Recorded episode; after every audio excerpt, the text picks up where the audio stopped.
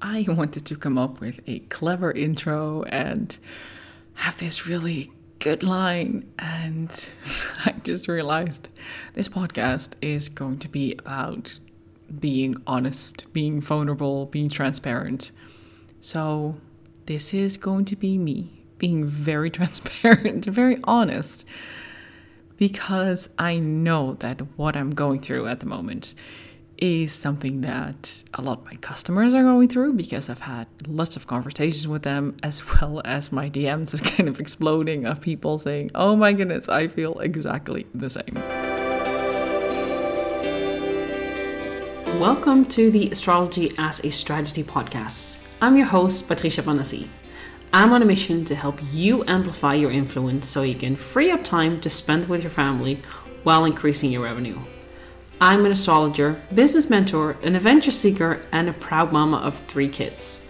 Think of this podcast as your shortcut to more joy and ease in your business. Running a business is joyful, and when you're not having fun, you haven't cracked the code yet, but that's about to change. I share practical and short tools how to use astrology in your business and life. So let's get started on using your energy strategically to make a bigger impact, have more free time, and grow your wealth.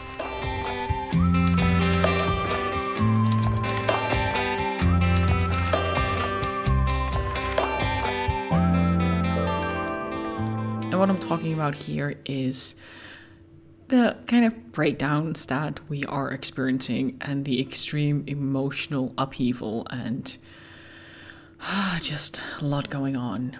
So, let me just give you a little peek in how my week has gone yesterday I literally spent the whole day on the couch, and Tuesday is my only day where I have a full day for myself. The kids are with my parents, and that's really the day where I can just knock out tons of work, which I always do. I always schedule that so that on Tuesday I have lots of time.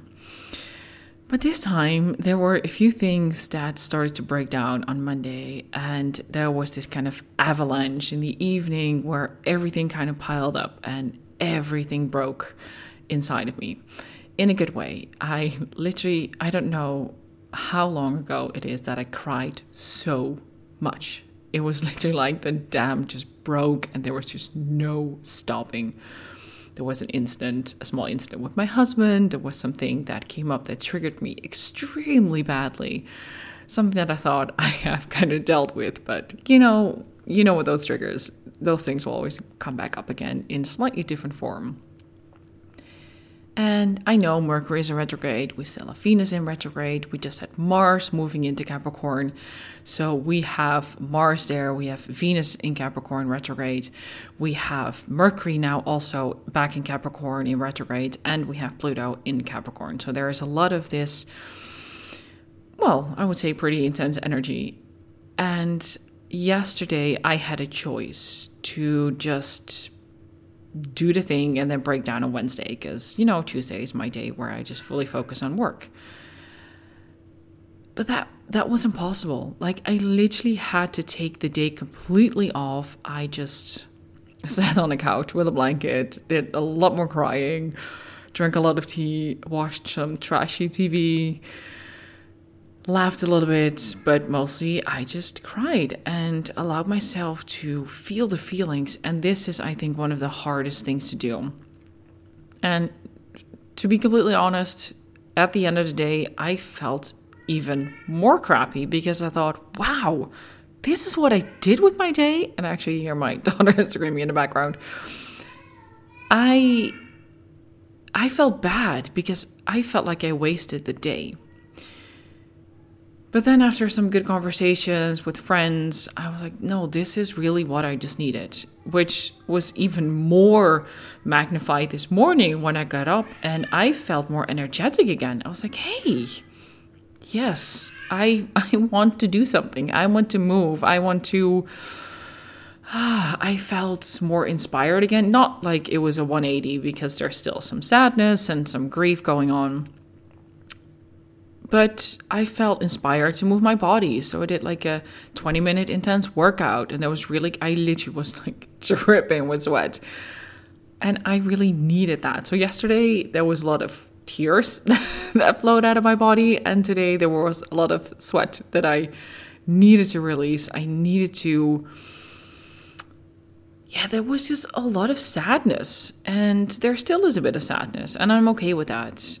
But I also know that pushing through is not the answer. And I hope that when you're listening to this and you're in the same position where you feel an extreme big amount of sadness, of grief, um, frustration, that this is the moment that we're in. We're in this very mucky, weird, in between space. We have two planets in retrograde. There are a lot of planets in, in, in Capricorn, and Capricorn is the planet of discipline, of structures. So we can also be quite hard on ourselves to think, like, hey, we need to do this. And the funny thing is, the first week of Mercury retrograde, I thought like, wow, I'm really cruising through this. Like it's going really well. And then this week was this major avalanche of emotions, and not just me, because my kids are experiencing it too. Like this morning, my my son had a complete meltdown over the fact that his hair was in front of his eyes, and I kid you not, it took him 20 minutes to like calm down again and I gave him the space to just let it all out, be frustrated, and and we talked through it afterwards. But this this is the energy that we're in. It's being hard on ourselves and thinking like, wait, hold on. I mean, I've dealt with this, or I don't have time for this, or whatever it is. We tell ourselves so much of what we can or cannot do, and we force ourselves to continue to be productive and efficient and effective, and I'm all for that. But you can only be productive and efficient when you allow yourself to go through these breakdowns. Because, and especially I think in a self help world, we kind of jump to, okay, you have to think happy thoughts and you have to think about the blessings and, and the good things that you already have in your life. And I totally agree with that, that it's a beautiful thing to shift your mindset. But we kind of then surpass feeling the feeling. A lot of times in, in, in what I hear about the law of attraction, I, I did a coaching um, last year with a, with a coach on the law of attraction, and she had this beautiful insight of if you want to shift your mindset, if you want to get out of that that feeling that you don't like, and she doesn't call it a low vibration because there's no, no such thing as a low vibration. It is the lower tones on a keyboard. Like you need them too. You need to create, you need to have all the tones to create this beautiful masterpiece. And the fastest way out of those lower tones is to really listen to the lower tones, to feel the vibration through your body. And yes, it took me not, actually longer than a whole day because it started on Monday already, but it took me like almost two days of embracing the feeling of really feeling like shit. Like, I was walking to my parents' house yesterday, and like tears were like in my eyes. They weren't running exactly on my cheeks because I didn't want everybody to see me crying on the street. But oh, there was this this really deep sadness in me. And instead of fighting it, I just I was breathing through it. And it sucked because I felt really, really bad. And there was also nobody who could save me. Like, I had beautiful conversations with my husband, but he couldn't cheer me up, and, and he really was trying to, which was really sweet of him. But in that moment, I just needed to feel like crap. I just needed to embrace that. And this morning, well, actually, last night, I made a promise to myself and I said, if it's in the highest, in my highest good to release the grief and the sadness now, please let it dissolve overnight and let me wake up with renewed energy in the morning. And it did. And of course, this doesn't always help. This is like your body and your your emotional self. They will they will tell you whether or not it's time to to leave it behind and to take the next step. But because I spent the whole day yesterday on the couch feeling it all and feeling really crap, I was able this morning to move the energy. And a lot of times when we don't allow ourselves to stay in that in between, and we are collectively in this gigantic in between space where we're really reshaping a new paradigm, but we don't know exactly what it looks like. And a lot of things that came up for me yesterday was, God, I don't know where this is going. I don't know exactly what this looks like, but this is just it. This is where I'm at. And this morning, I woke up with a little bit more clarity. I took some steps, did some things, and realized, hey, okay, this is just what I'm going through. I'm going with emotions. So when you're listening to this, know that you're not alone. Know that collectively we are in a very intense type of energy. Know that Whatever you're feeling is valid. Whatever you need to do to feel better, do that. And honestly, for most of us at this moment in time, that means rest.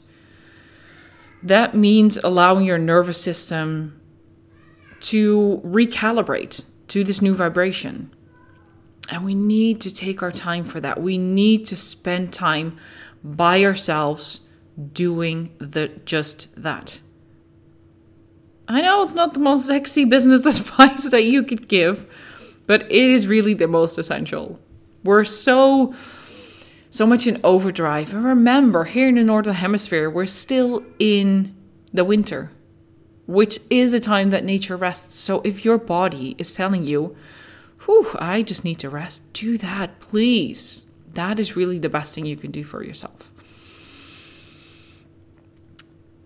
Because remember, we're still Mercury retrograde, Venus is still in retrograde, and there's a lot of other planetary movements happening that makes it more intense for all of us. So be gentle with yourself. And I promise you, the more that you surrender to this, the faster you find your way out without actually searching for it.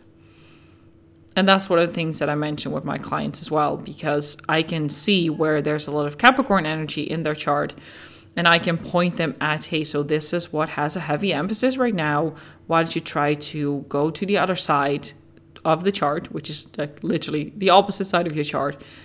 That's often where you find the the release, the um, not release, the relief and the same for me. I saw that the triggers that were coming up, I could trace them back to things that happened in my childhood in very specific areas of my life that helped me to realize hey, gosh, that's that little girl that shows up again. Let me give her a big hug and let me give her what she needs and what she missed in that moment.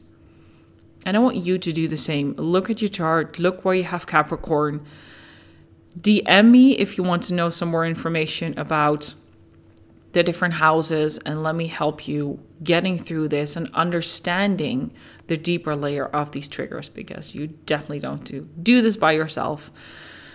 There is always, always support. But you need to surrender. there is some surrendering that needs to happen before you can actually receive the guidance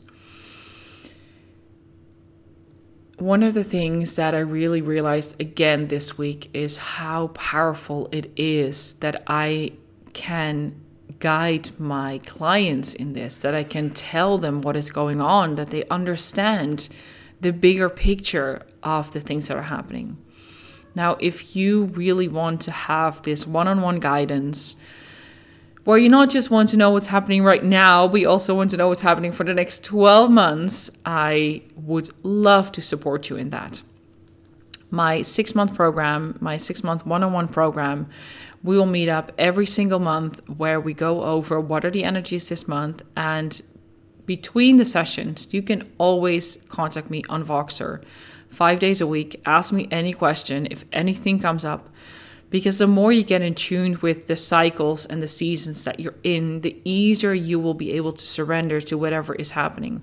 And this time, it might be a breakdown, it might be surrendering to rest. But maybe in two weeks, there's actually an opportunity period for you coming up, and you really harness that energy and take that creative energy and the creative burst that you have, it pouring that into new projects. I would love to support you in that. If you want to know more information, you can find the links here on the show notes of this episode, or you can shoot me a DM on Instagram. You can find me at Patricia Panassi, and I would love to hear from you how you're experiencing this time. And if you want some more guidance, I'm here for you, and I'll be happy to hop on a call with you to see if this six month program is the right fit for you. So, for the rest of this week, take it easy. Trust that your body and your emotions know what to do and when to move into the next phase. I just love yourself. You should always love yourself, but you should love yourself a little bit more this week. Give yourself a big hug. Give your little girl a big hug. And the more that you do that, you will notice the faster you'll move out of this sticky energy. Take good care of yourself.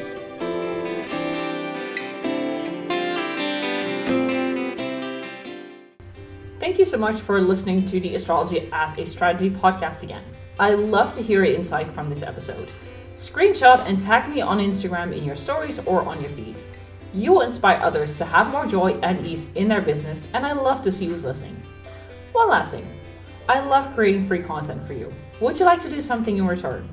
Go to iTunes, subscribe, and leave a review. This helps the podcast to be found more easily so this message can reach more people. Thank you so much for listening, and I will catch you next time.